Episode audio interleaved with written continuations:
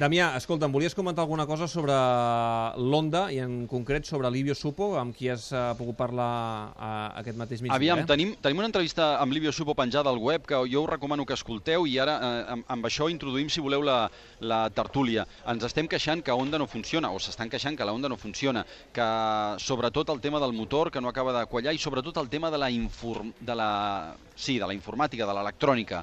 Doncs eh, les declaracions que fa Livio Supo a, a Catalunya Ràdio i les deixo anar així tal qual, és que de vegades Honda ha de fer sacrificis pel bé del campionat. I quan dic això, eh, ara la Nàdia que està dient que sí, eh, l'electrònica comuna de MotoGP té molt de Yamaha, té molt de Ducati i té molt poc de Honda, que és la marca més important i que es fa difícil entendre que hagin acceptat això, que està perjudicant els seus pilots. Ho deixo aquí, aneu al web, l'entrevista és molt interessant. Mm -hmm. Per què dius que sí, Nàdia?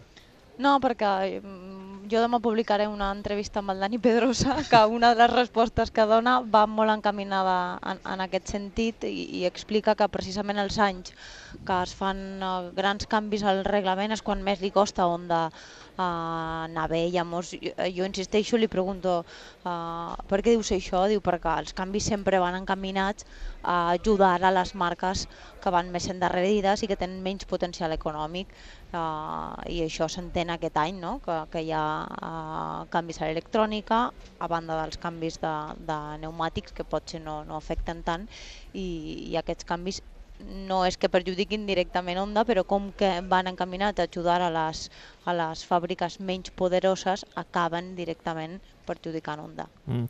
Avui Marc Márquez ha aconseguit aquesta pole position en un circuit eh, que és evident, està tocat eh, pel que ha passat amb Lluís Salom. Eh, vosaltres, Emilio, Nàdia, el coneixíeu directament? Quina relació teníeu amb ell? Bueno, al final és un pilot que, especialment per l'any de aquell 2012 tan fantàstica que ens van donar ell, Rins i, Vinyales lluitant per la victòria fins a l'última cursa, uh, és un pilot que acabes veient pràcticament tots els caps de setmana perquè acabaven al podi cada cap de setmana. Parles cada cap de setmana amb ells, vas entrevistar-los, a preguntar com ha anat la cursa, com, com has aconseguit la pole, uh, que jo especialment i, i la Mia i l'Emilio potser també em trobava quasi uh, cada dijous i cada mare. diumenge a l'aeroport, que Sí. veia la Maria moltes vegades, que he compartit agonia amb ella cada vegada que es feia un ferit a un dit o que es feia mal a l'esquena perquè patia molt i l'esperava a la porta de la clínica fumant-se un, dos i tres cigarretes. I el, I el Lluís perquè era un personatge en el bon sentit, peculiar, ple de, Sí, sí, ple de sí, sí. tatuatges, amb el seu sobrenom el mexicano per un cavall... Eh, era una persona Sempre que es t'explicava feia, les coses d'una manera molt graciosa, molt es divertida. feia, es feia notar, i és Sí. que no era qualsevol, es feia notar. Sí. Sub, ex-subcampió del món de Moto3, un home que ha pujat al podi en Moto2, mm, Déu-n'hi-do, Déu-n'hi-do. Bueno, yo, yo tengo, como hoy estoy bastante impertinente, eh,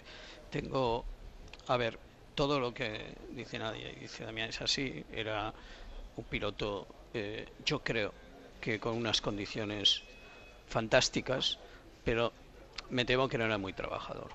¿no? O sea, yo tengo un poco la sensación de que eh, eh, Luis tenía un potencial tremendo, tremendo, pero era un piloto que, bueno, que si las cosas no iban bien, no iban bien, que si no tenía la moto muy, muy, muy puesta a punto perfecta, pues, por ejemplo, en el no vale la pena hacer el contraste, pero en el contraste de lo que estamos hablando eh, hoy concretamente de, de, Márquez y esta Yamaha tan especial, pues bueno, pues eh, cuando uno tiene que poner el resto, pues, pues hay pilotos que lo ponen y pilotos que no, que no lo ponen. Pero en ese sentido sí es verdad que eh, Luis era un, un muchacho muy muy especial, tenía esta, digamos, esta similitud y este acompañamiento de, María, de su madre, que también era muy especial. Eh, bueno, eh, era un ser curioso que eh, todo el mundo en el paddock, absolutamente todo el mundo en el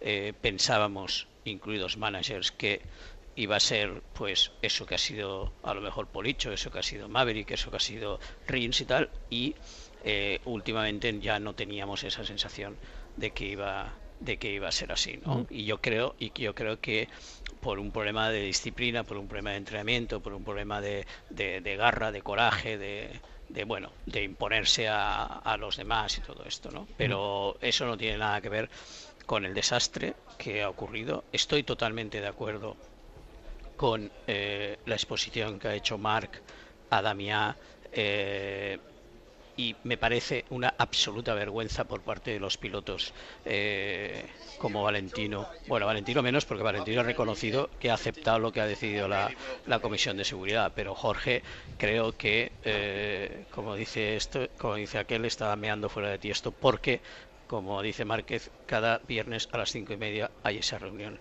y esa reunión empezó donde empieza siempre, que es en la carpa de Dorna, y acabó o siguió en la curva para tomar decisiones. Y el que no fue, no ha querido ir. Creo recordar también eh, que aquí mismo, en una tertulia de estas, me parece que eh, yo conté que Carmelo Espineta me había dicho que la aparición de Mar Márquez en la reunión del viernes de la Comisión de Seguridad había cambiado muchísimo el rol de Valentino, de Jorge, de todos estos, porque Marc eh, había decidido ir para imponer su criterio o como mínimo para que su voz eh, fuera de las más escuchadas. A mi no em sembla malament que bueno, hoy.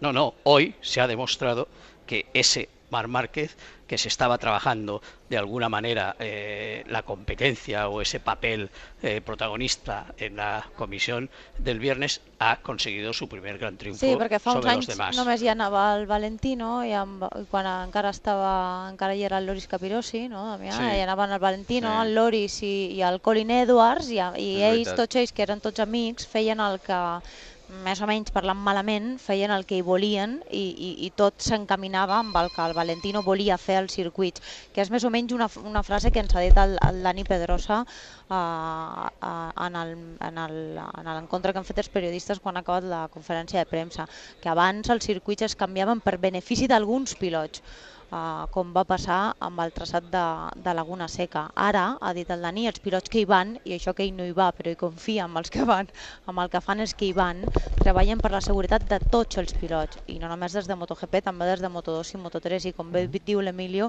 eh, l'interès dels pilots joves que han anat pujant, no només del Marc, també del, del Pol Espargaró, per exemple, que em sembla que no falla quasi mai a una, a una reunió de la Safety Commission, eh, ho fan pel bé de la seguretat de la resta dels pilots i em sembla molt malament que el, que el Lorenzo s'emprenyi uh, per algo que va haver una temporada que li va pegar per anar-hi a totes les reunions i, No, i va anar que, durant dos o no tres, por durant qué no dos o tres grans premis i després es va emprenyar, li fa mandra i, i no va. I en aquest cas potser uh, era especial perquè ahir just la, la reunió es va celebrar un quart, va començar un quart d'hora després de saber la notícia. El Lorenzo li va pillar fent la seva press conference, la seva roda de premsa i, i, i el va afectar molt i estàvem allà i ho vam veure tots i estava molt molt afectat. És cert, però no hi va mai, o sigui que sabem que no hagués anat en qualsevol Potser cas. els haurien d'obligar directament. Escolta'm, Mhm. ja està, que No, no, no, no, pero no, pero Damián, no, no, o sea, el, el- que va allí eh, eh, dice su palabra, se discute y tal, es que es que yo creo que forma parte de su profesión, de su trabajo, o sea, esos, Evidentment. Al esos final tipos, és el que ha assumit el Valentino, no? Jo no hi vaig mai, ja ho sabeu tots, que, que darrerament no hi vaig mai.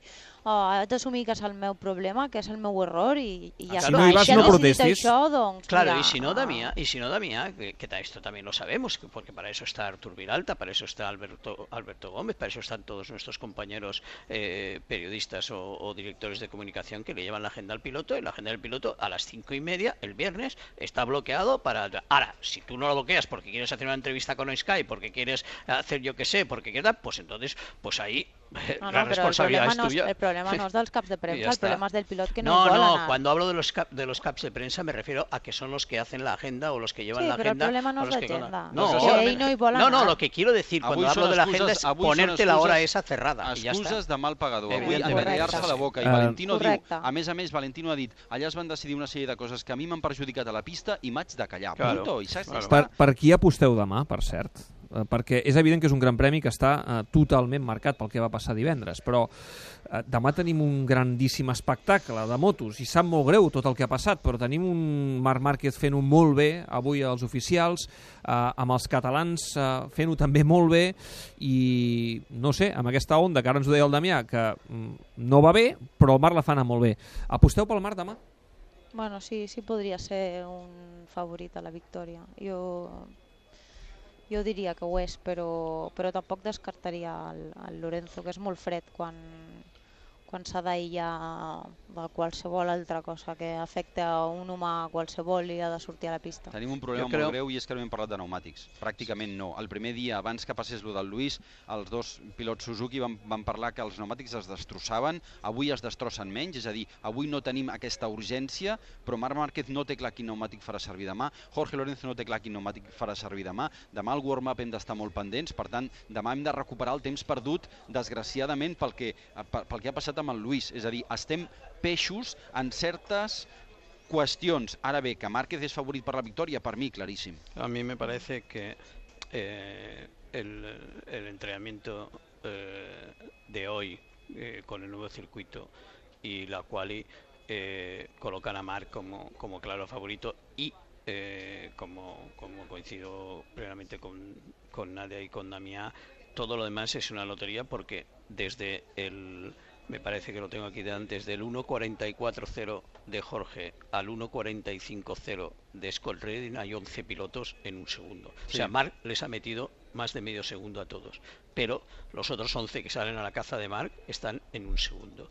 Y, y bueno, y hemos oído también a, a pilotos como Valentino y como Poricho eh, Espargaro decir que, que en la quinta vuelta si meten el duro pierden un segundo y medio por vuelta, eh, que el delantero hemos visto también a Jorge y a Valentino llegar al box eh, en, los, en, la, en la quali eh, señalando su neumático delantero diciéndole quitármelo en el segundo intento cuando nunca lo quitan, o sea que lo que cuenta, lo que explica David, el, ay perdón, eh, Damià, el dato de Damià es muy muy importante Ujú. porque porque como dicen ellos, pues las ruedas es lo único que toca el suelo. Sí, Doncs- en, en aquest cas, quan parlem de pneumàtics, sí. aquí el rei de la pista és el Lorenzo. És el Lorenzo. Bé, doncs demà, per cert, a Catalunya Ràdio farem la transmissió de Moto2 i de MotoGP, perquè connectarem ja a les 12, després del butlletí horari, eh, lògicament molt pendents del partit que jugarà el Barça de bàsquet contra Bascònia, farem una transmissió de bàsquet, Cuidao. i també a la cursa de Moto2 a partir de les 12 i 20 minuts, i la cursa de MotoGP, com sempre, la transmissió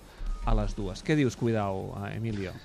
Eh, cuidado con el partido de básquet, digo. Home, i tant, i tant, perquè si ens col·loquem 2 a 0, l'eliminatòria ja està ben Ah, encarrilada. ahí estamos. encarrilada. Yo solo estoy por LeBron James y Steve Curry. Per També, cert, que, també. Que, que abans Emilio, com ha fet aquí, que ha canviat d'un tema a un altre, Sí. m'estaven recordant quan ha parlat del, del Salom, que, que el Maverick, que va ser company seu a l'equip del Cito Mhm. Pons, ha fet la lectura totalment uh, contrària i ha dit quan, quan estàvem a Moto2 que jo anava molt bé i a ell li costava molt la categoria uh, treballava molt, s'em- s'emprenyava molt allà mirant la telemetria i no he vist mai un pilot treballant tant com el, com el Lluís al, al box quan érem companys d'equip. És, sens dubte, el gran premi del Luis, de Luis Salom, que recordarem per sempre a partir d'ara. Gràcies, Emilio. Gràcies, Hasta Nàdia. luego. Gràcies, Damià. Fins demà. Adéu. Adéu.